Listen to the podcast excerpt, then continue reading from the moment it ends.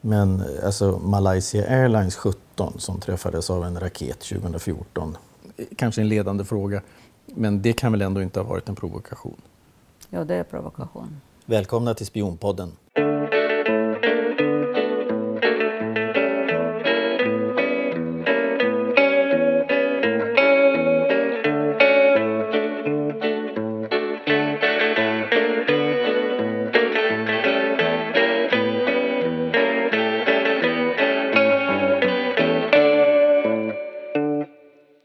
Alla lyssnare! Idag har vi kommit till del två utav vårt avsnitt om Spetsnaz.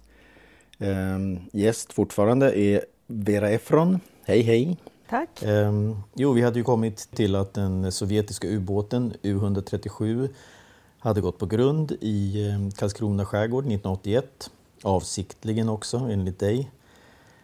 Så nu sitter ubåten där, fast. Berätta!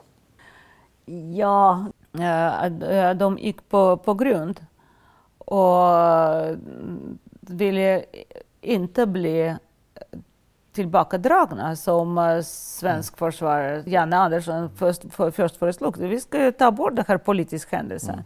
Ja, vem som helst kan gå på grund, så det är mm. naturligt. Så, pinsam situation, men vi kan hjälpas åt, så vi drar er tillbaka. Nej, sa Gushen, eller sa ryssarna, Sovjetunionen.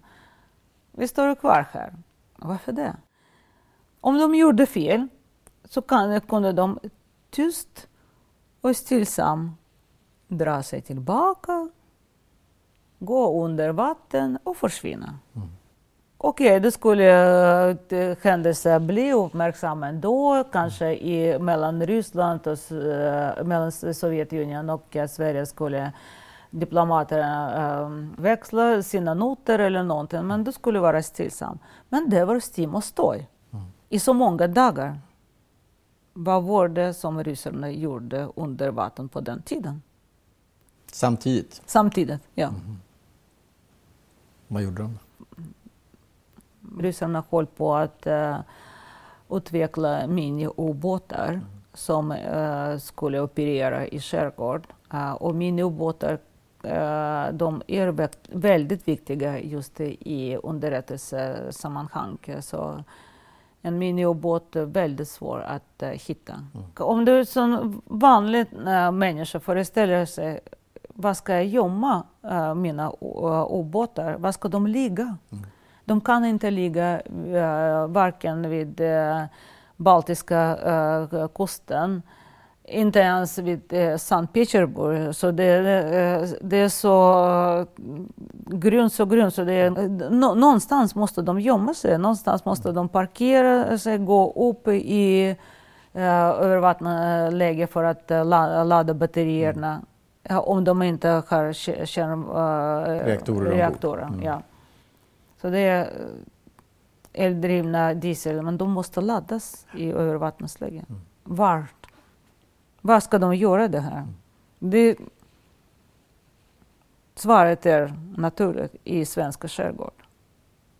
Så det, det är fantastiskt bra uh, gömställen med örgrunnor och stenar lite hit och lite dit, så det är svårt att upptäcka. Väldigt uh, bra att gömma sig. Och uh, ryska är betydligt bättre gjorda än svenskarna. ja, det är sant. Så de måste hitta... Även, även de ryska sjökorten är bättre på svensk, om svenskt vatten? Ja, ja, ja, ja, ja, ja. En ubåt måste ju öva på att så fort som möjligt, eller när det krisar, mm. åka någonstans, gömma sig. Och det är precis det övningar går på. Krisar det, då händer det någonting, snabbt som fan, ursäkta, uh, åka till sin gömställe och uh, lägga sig i tysthet och vänta. Så de har, säger du, fasta punkter? Punkter, ja, ja någonstans som de övar på. Och så, jag kan inte detaljer, men ungefär så. Man, det är naturligt att tänka på det sättet. Mm. Och när jag skrev den här boken Spetsnaz så det var ju det som uh, precis på samma sätt berättade för mig grabbar som uh, tjänstgjorde här. Men när du säger här, menar du i Sverige? Att de varit hit utan att vi har upptäckt det? Det är därför de sa till mig, minken kan förolämpa, minken kan inte vara röda. att de var ju här hit och dit. Så, eh. Men har du någon information om eh, hur de kom hit? De röda minkarna? Ja, röda minkar, de är med sina ubåtar så mm. självklart. Och miniubåtar testades också. De var inte så många. Väldigt eh, fördelaktigt miljö för sådana uppdrag.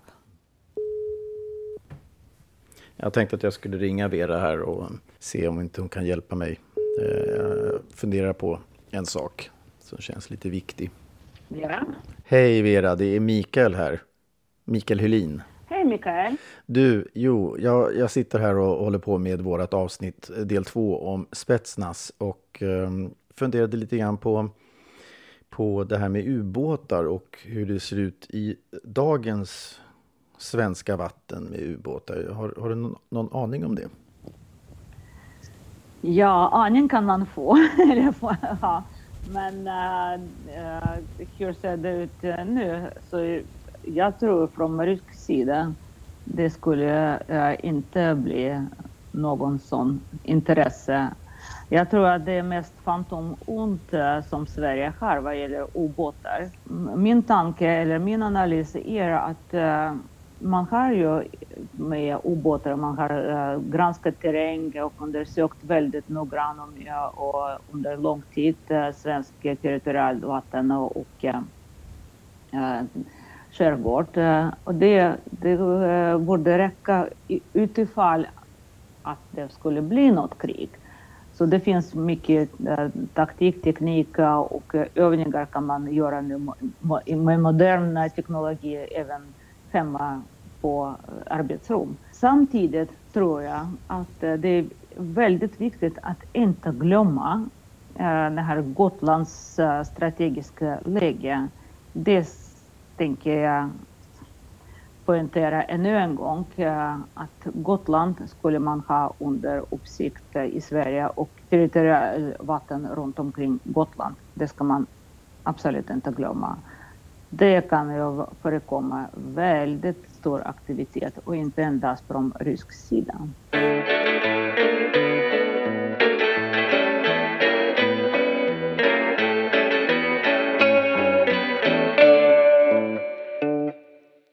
När man läser din bok så ser man att du har haft en, en du har varit där, alltså du har verkligen varit bland de här soldaterna och haft dig. Ehm, berätta, hur, hur, hur var det? Uh, jag var uh, jag, jag, kan berätta om kanske mer modern uh, historia. Till exempel det här, eh, de här händelserna på Krim, halvön. Uh, 2004, annek, ja. Ni kallar det annektering, mm. jag kallar det på ett annat sätt. Jag ja. kallar det operation Krim. Mm. Och för mig, uh, annektering det är politiskt ord. Mm.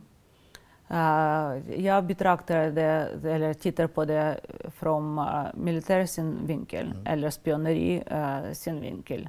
Man kan ju kalla det så. Så egentligen, uh, det var ett krig, en annan generations krig. Det är absolut den sista och absolut den mest skickliga som militär operation som genomfördes av Spetsnaz i, men det var andra styrkorna som uh, drogs till. Mm. Men uh, operationen var genomförd av bara Spetsnaz. Och det är så fantastiskt uh, från, uh, jag menar militära sammanhang. Ja, Om man, det var fantastiskt gjort. Ett krig utan ett enda skott, uh, territorium, eh, mm, ja, växlade eh, politisk eh, regim och statligt eh, skikt också växlades.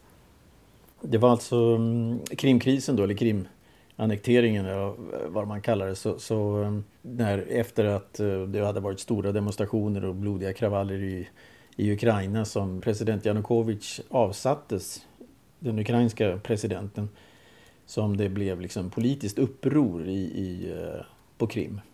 Eh, och, och, och ryssarna var inte sena att börja och hjälpa till. Jag tänkte faktiskt att jag skulle läsa några rader ur eh, Peter Larssons artikelserie. Så gick det till när Putin tog Krim i Svenska Dagbladet. Väldigt spännande och målande öppning tycker jag. Efter dödsskjutningarna på Majdantorget den 18-20 februari hade allt gått mycket snabbt. Janukovic hade försvunnit, uppgifter om 20-talet An 22 år nattetid hade lyft ut honom och hans entourage florerade. Arsenij Jatsenjuk nominerades till premiärminister. Allmänt kaos tycks råda i Kiev. Den 27 februari, bara fyra dagar efter OS i Sochi avslutats, dyker mystiska gröna och maskerade män upp kring militäranläggningarna på Krim. De är maskerade, bär inga beteckningar men har inte heller några laddade vapen. Ingen av dem yppar någonting. Ingen runt omkring får reda på någonting. Dagen efter har flera militärbaser på Krim intagits av dessa gröna män. De säger fortfarande ingenting och bär fortfarande inga beteckningar. Men nu har de laddade vapen. Ja, när man läser detta så låter det onekligen som ryska spetsnaz, men vad, vad gjorde de där? Vad gjorde uh, spetsnaz där? Uh, för det första, de uh, det var hela operationen, det var spetsnazoperation. Uh, den förbereddes under lång tid. Uh, egentligen, uh, som min uh, bok heter Baltikum nästa, så det var en varning för omvärlden att eh, man kan göra flera sådana operationer. För ryssarna, från Rysslands synvinkel, eh, de har visat eh, alla att håller ni på att förtränga våra medborgare och deras rättigheter så kan det kosta väldigt dyrt. Det kunde hända även i baltiska länder, självklart. Eh, mm. Så ryska eh, eh, medborgare eller före detta, eller ryser, etniska ryssar i till exempel Estland, de kände sig förnedrade. Och egentligen det här missnöje som finns i folk när deras rättigheter trampas, när de blir missnöjda. Så det är väldigt uh, lätt att spela på. Mm. Och det, därifrån kommer även terrorism. Uh, på folkets missnöje kan man väldigt lätt spela och uh, leda sina operationer. Mm. Den här operation Krim var också uh, förberedd på så sätt att folkets missnöje, ryska folkets missnöje, tog till hand. Uh, alltså de, de ryssar som bodde ja, det på Krim? På Krim bodde, om vi kan säga 90 Bland ukrainare? Ja, bland uh, de flesta uh, befolkningen, de, de var etniska ryssar mm. vars rättigheter var bortglömda totalt. Och det gäller, när det gäller ryska språk, uh, rysk kultur, så då är det väldigt enkelt att spela på. Mm. Det är S i politikernas händer. Stolthet, Rysslands stolthet. Och det är till vilket folk som helst. Man kan ju, vad ska man göra om uh, en svensk blir ju eh, uh, närtrampad av sin identitet. Då skulle det hända precis på samma sätt. Man måste försvara sin identitet och det är det som uh, man tar tillvara i sådana operationer. Uh, jag menar väldigt bra förberedda uh, operationer, militära operationer. Av Spetsnaz? Av Spetsnaz, mm. ja. Det var jag.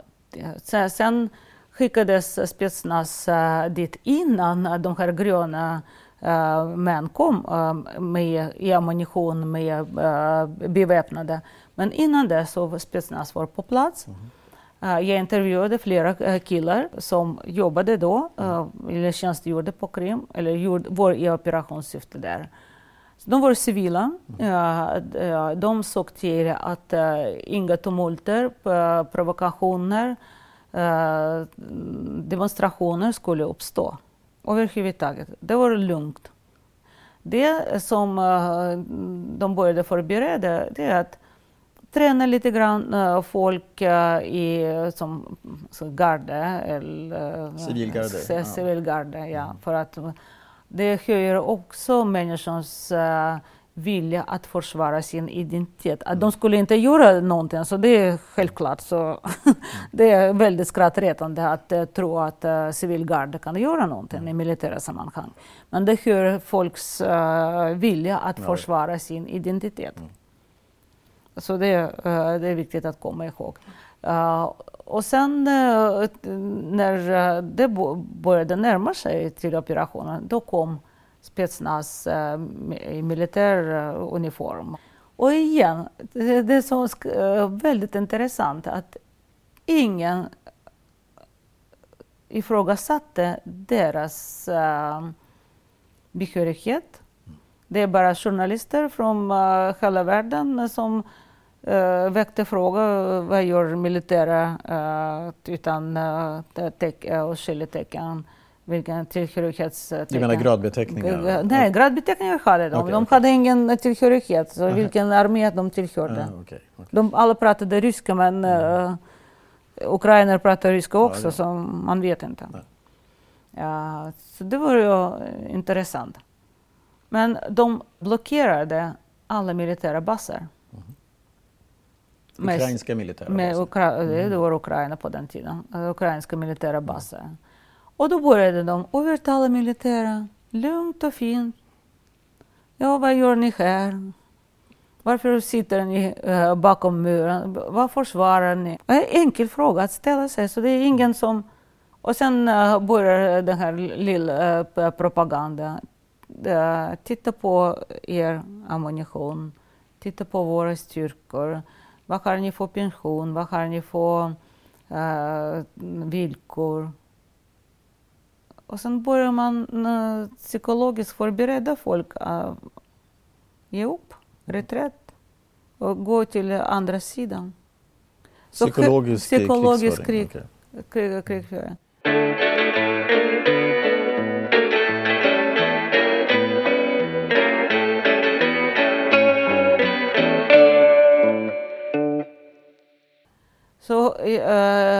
jag lyckades faktiskt att komma till Krim under den här tiden, det var avstängt. Eh, jag hann i den sista, alltså med järnvägen. Jag bodde på Krim i sju år och jobbade som mm. uh, geolog där. Så jag uh, kan alla militära baser som fanns ju då och det är naturligt att de var ju även under um, ukrainsk tid. Så det, de var väldigt bra placerade. Mm. Eh, så jag lyckades eh, ta mig eh, dit och jag tog taxi under den här tiden mm. och, och, såg hur militära baser var omringade mm. av uh, den här okända ryska styrkor. Och sen, uh, som var spetsnaz? Ja, som var mm. spetsnaz, ja. Uh, och sen det, det politisk händelse, väldigt skrattretande också. Valet om Krims tillhörighet, om de skulle gå ja, över till Ryssland mm. eller stanna i Ukraina, referendum som det kallades, det skulle ske på söndag. och på fredag uh, blev alla uh, bankerna, stängdes alla bankerna uh, där. Och det, jag, jag, tog en bild på det och det stod ju på skyltar att Ba idag är banken stängd på grund av att vi håller på att omväxla valuta från ukrainska grivna till rubel. Öppnar på måndag. de, redan, de bankerna visste redan valets utgång. Så då visste de utgången? Ja. Hur, det vet jag inte. Jag, kan inte pås- jag, jag ser inte att uh, valet var riggat. Absolut inte. Referendum. Uh, jag åkte Krim är väldigt liten halvö. Uh, man kan ju korsa det uh, några gånger under dagen. Så jag var på många vallokaler. I, Eh, flera städer, i både Simferopol, Sevastopol, Jalta, Alushta, så eh, det var väldigt snabbt eh, att åka och kontrollera. Uh, folk gick och röstade för att ingå i rysk, i rysk federation eller i Ryssland. Och de skrev överallt vi har kommit hem. Så det var, valet var inte riggat, men det var väl, väl förberett som militär operation. Krigsföring av sjätte generation. Av sjätte generations krigföring. Det, jag, jag tycker att det är så... Vad är det för något? Ja, det är, mm, alla krig, krigsföringsmetoder, de räknas i eh, olika, på olika nivåer. Det första uh, nivån är kanske när vi satt i grottor på stenålder och slog varandra med pinnar och sten. Men uh, vad är då femte generationens krig? När stridsregementer, strids, stridsvagnar från ett land står mot uh, stridsvagnar på uh, andra sidan. Mm. Och sen kör de ihop och det blir bara blod, svett och tårar. Så, mos. mos ja. så ska man uh, strida på sånt sätt eller det är en stor politisk fråga, moralisk fråga. Hur ska vi slå på varandra? Mm. För att vi kan inte ändra vår natur, vi kommer alltid att slå varandra. Men den sjätte generationens... Det är oblodig krig. Väl förberedd av Spetsnaz. Så, så Spetsnaz, om jag förstått det hela rätt, var, var förberedda på... Hade, hade de vapen då? Ja, ja, ja. hade vapen, okay. Både och. Ja. Vad hade de för order då? Order, det var olika order, så det var olika styrkor. Det var, det, några hade uh, bara kon kontrollera uh, situationen, att det inte går över till uh, protester. Uh, så det skulle inga bli några samlingar som kan gå över till till exempel konflikt som på, på, på Majdan var till exempel i Ukraina. Så det var ju protester som gick över till blodbad sen. Mm. Så det skulle aldrig hända. Och det var ett av uppdrag. Den andra uppdrag var det att kontrollera militära baser. Mm. Den tredje eh, var att uh, skicka över sina agenter eller uh, flaggmän för att uh, övertala bearbetade motståndare för att ge upp och gå över på motståndarens sida. Så det så, kanske... så, så, så, många, om jag förstått, att många ukrainska soldater gav upp och gick över på rysk sida? Ja, nästan alla. Oj. Så det var äh, bra gjort äh, på det sättet. De som inte ville göra det, äh, de fick ju grön biljett och åkte över till Ukraina. Det gjorde de. Man släppte ut. Men de flesta faktiskt stannade där på plats. För det första, blev de ryska medborgare då? Eller? De blev ryska medborgare, ja, på en gång. För det första var de flesta, utan ledningen, de flesta var öns befolkning. Mm. Så, så de kom därifrån och för, för dem att åka till Ukraina någonstans istället för att uh, stanna hemma hos mamma att de är 18-åringar. Du, kan du tänka dig, en 18-årig grabb ska han skickas nu? För, vad, för vem? Till vem? För vad då? De hade inte så uh, fett eh, liv uh, på regementet under uh, Ukrains tid. Uh, landet är fortfarande väldigt fattigt.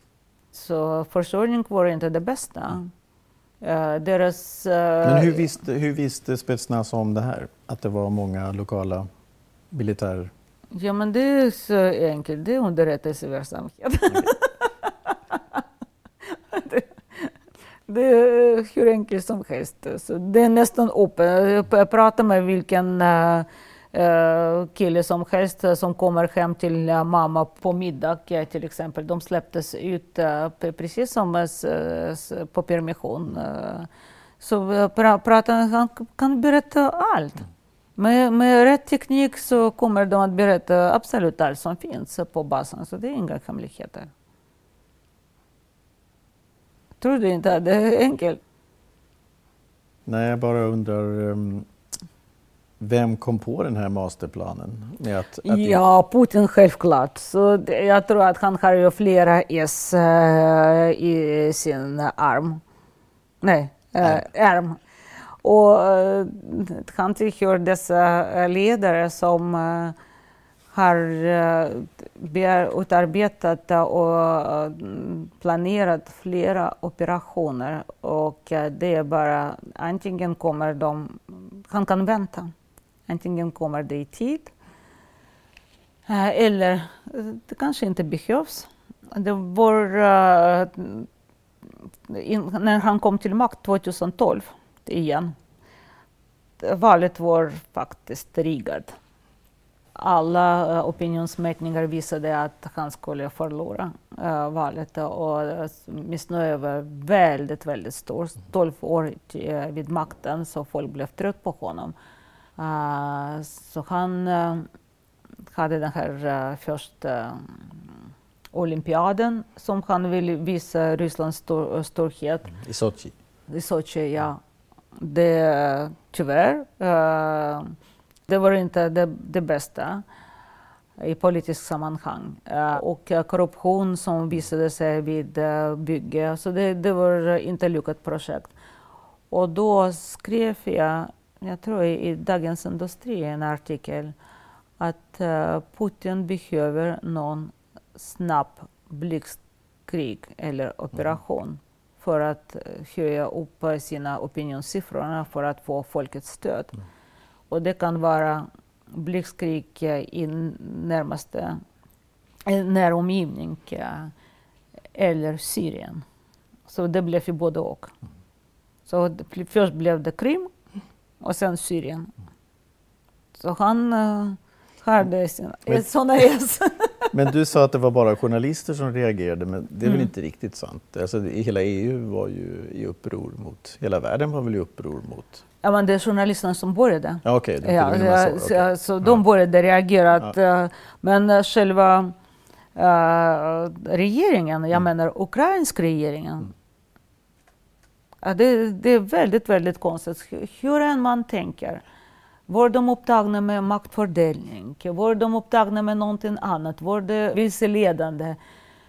Eller någonting. Det är väldigt svårt att säga nu. Har de fått kanske mutor? för att inte reagera. Det är inte ovanligt heller. Man vet inte. Nej. Men politikerna reagerade inte på det som händer på Krim. De ukrainska? Ukrainska, ja. Och ryssarna förnekade det sista. Nej, Putin, nej, det är inte våra. Jaha, pratar de ryska? Aha. Och det, den här... Eh, uh, EU skriker och gapar, journalisterna skriv, uh, skriver och själva regeringen delar makten. Var de så maktiriga? Eller var det någonting annat? Eller var de redan då förrädare?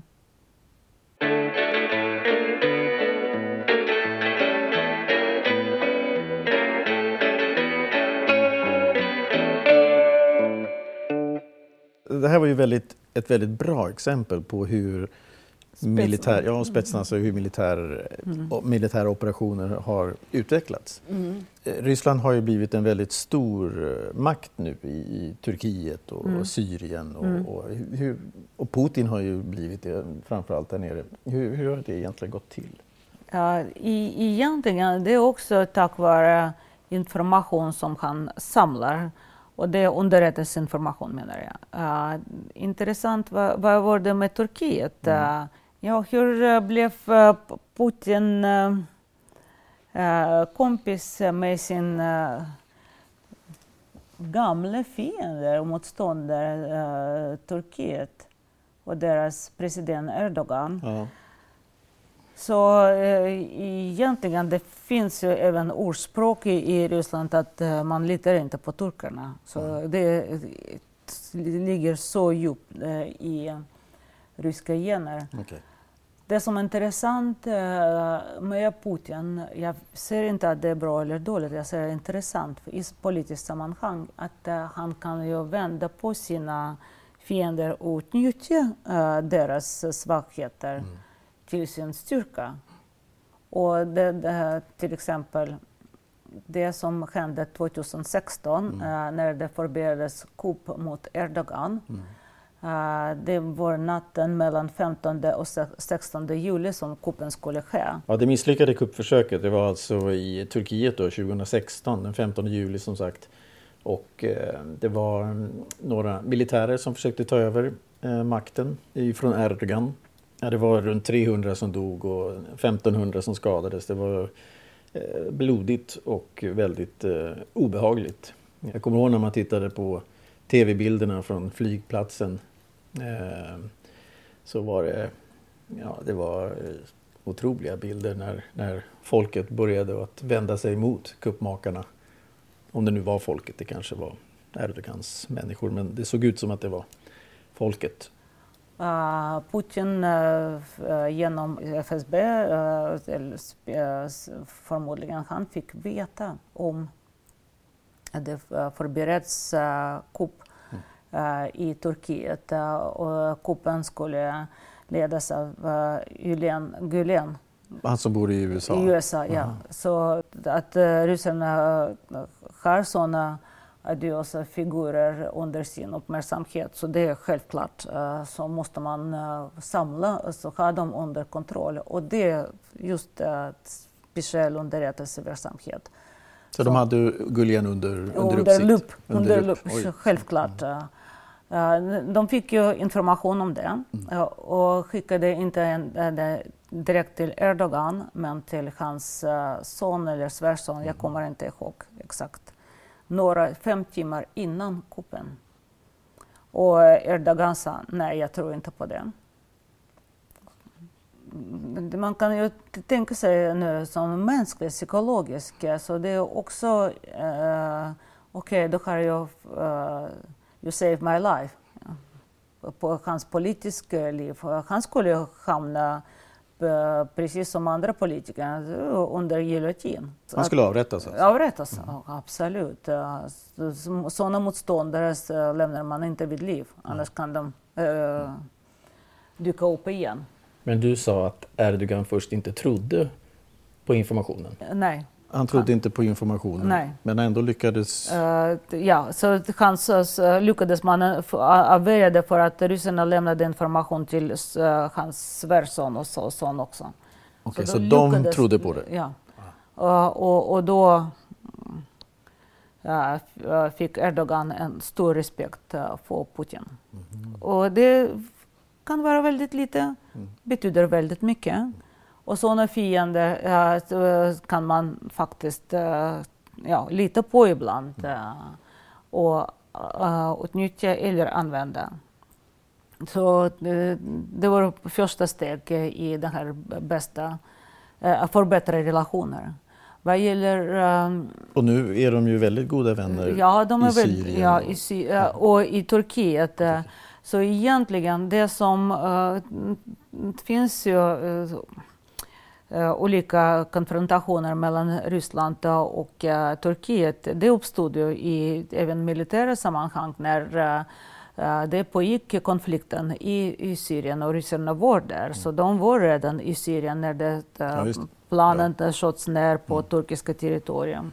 Planet vi pratar om var alltså ett ryskt militärflygplan som sköts ner av eh, turkiskt försvar, flygplan. Två F16 var det. Och, eh, det ryska planets två piloter lyckades hoppa ut från planet med hjälp av fallskärmar men, men eh, det var en syrisk eh, rebellgrupp som sköt ihjäl dem. Minst sagt blev läget spänt mellan Turkiet och Ryssland efter det här. Turkiet hävdade att ryska planet eh, var inne på turkiskt territorium men ryssarna hävdade motsatsen. Som vanligt.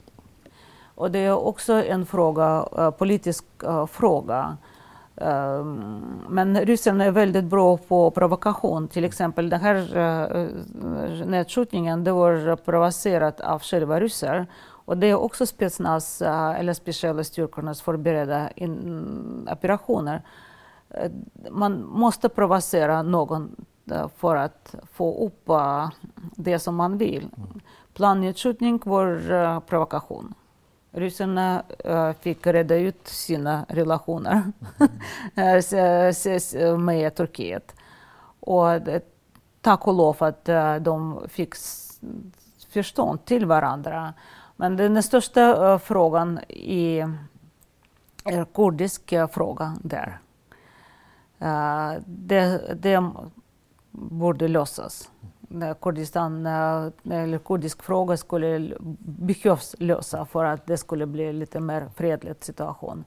Vad gäller, eh, det, vad gäller Erdogan, sen det är lite eh, ekonomiskt eh, med oljeledningar. Först var det eller gasledningar. Först var det avtalet, sen bröts det ner och sen plötsligt dyker den upp igen och så under nästa på alla så det är redan byggt. Så, så gasledningen byggdes i hemlighet?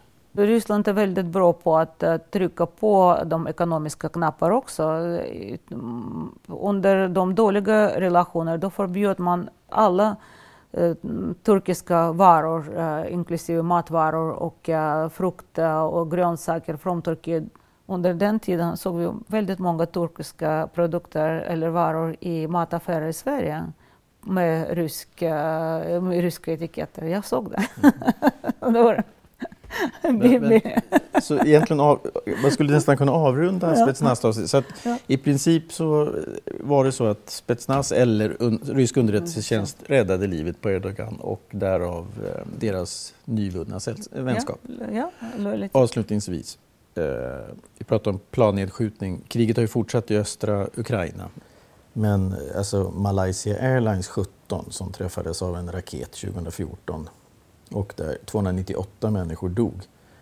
Kanske en ledande fråga, men det kan väl ändå inte ha varit en provokation? Ja, det är provokation.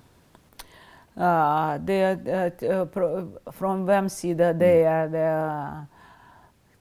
Än så länge uh, är det svårt. Det är en inflammerad fråga. Uh, det är många som dog uh, i den här olyckan. Uh, men återigen, det krig som pågår och att man offrar här eller där någon eller några i kriget. Jag, jag vill inte säga att det är naturligt, men det är, provoka det är vår provokation. Det, det är vår gjort. Eh, det är vår, man kan ju säga att det var av misstag. Jag tror inte på sådana misstag. Jag, jag tror inte. Så det är många uh, fakta som säger att det inte var ett misstag. Tyvärr. Uh, jag, jag, vill inte gå på djupet, det är en lång fråga. Vi kan ju prata om det här och ta upp olika teorier. Jag, jag brukar lyssna och höra både på BBC, svenska nyheter, eh, amerikanska och eh, ryska. Så, att alla pratar om samma sak på olika sätt. Eh, men det är få inflammerad fråga, men det var inte ett misstag. Det är bara det som jag vill säga. Det tycker jag var ett väldigt bra avslut på den här, det här avsnittet jag får tacka Kviran. Tack själv. Vi hörs igen, ja. det kan jag säga. Tack, tack. tack hej då. Glöm inte att gå in på Facebook, Spionpodden, eller på Instagram, spion.podden. Där kommer jag lägga upp bilder och kommer även lägga några spännande videor från den här misslyckade militärkuppen i Turkiet och även när det ryska militärflygplanet skjuts ner i Syrien. Eh, vi hörs! Tack och hej!